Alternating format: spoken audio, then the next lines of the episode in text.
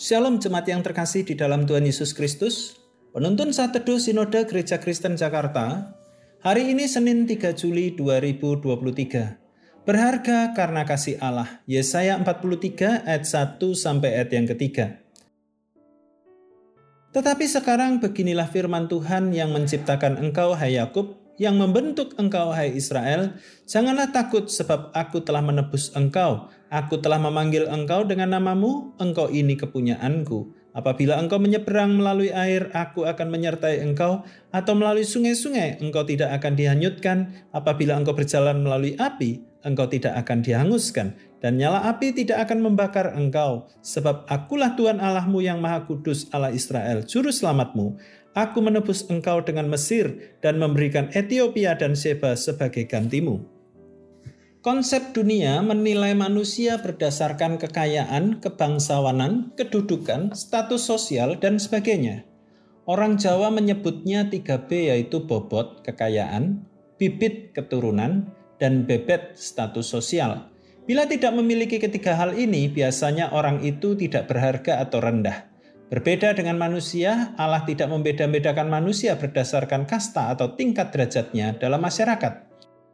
Menurut firman Tuhan, nilai manusia bukan ditentukan ketiga hal di atas.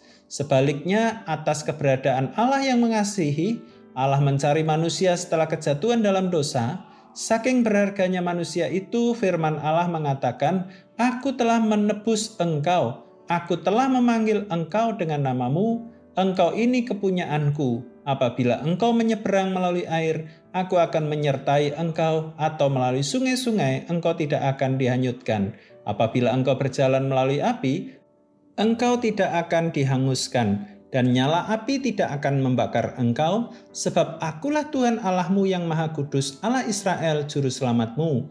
Aku menebus engkau dengan Mesir dan memberikan Ethiopia dan Sheba sebagai gantimu.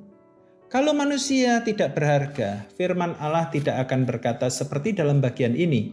Apabila manusia tidak berharga, mungkin Tuhan Yesus tidak akan turun dari sorga untuk menderita dan mati menebus setiap dosa manusia.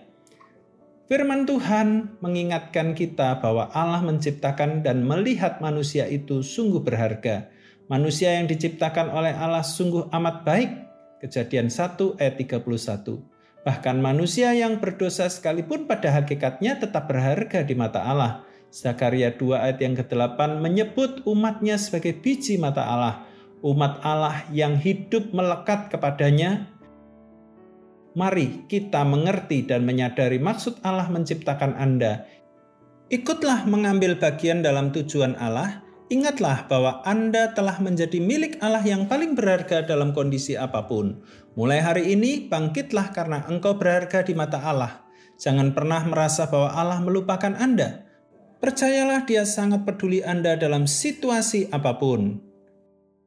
Allah tidak melupakan dunia ciptaannya, demikian pula Ia tidak akan pernah melupakan Anda.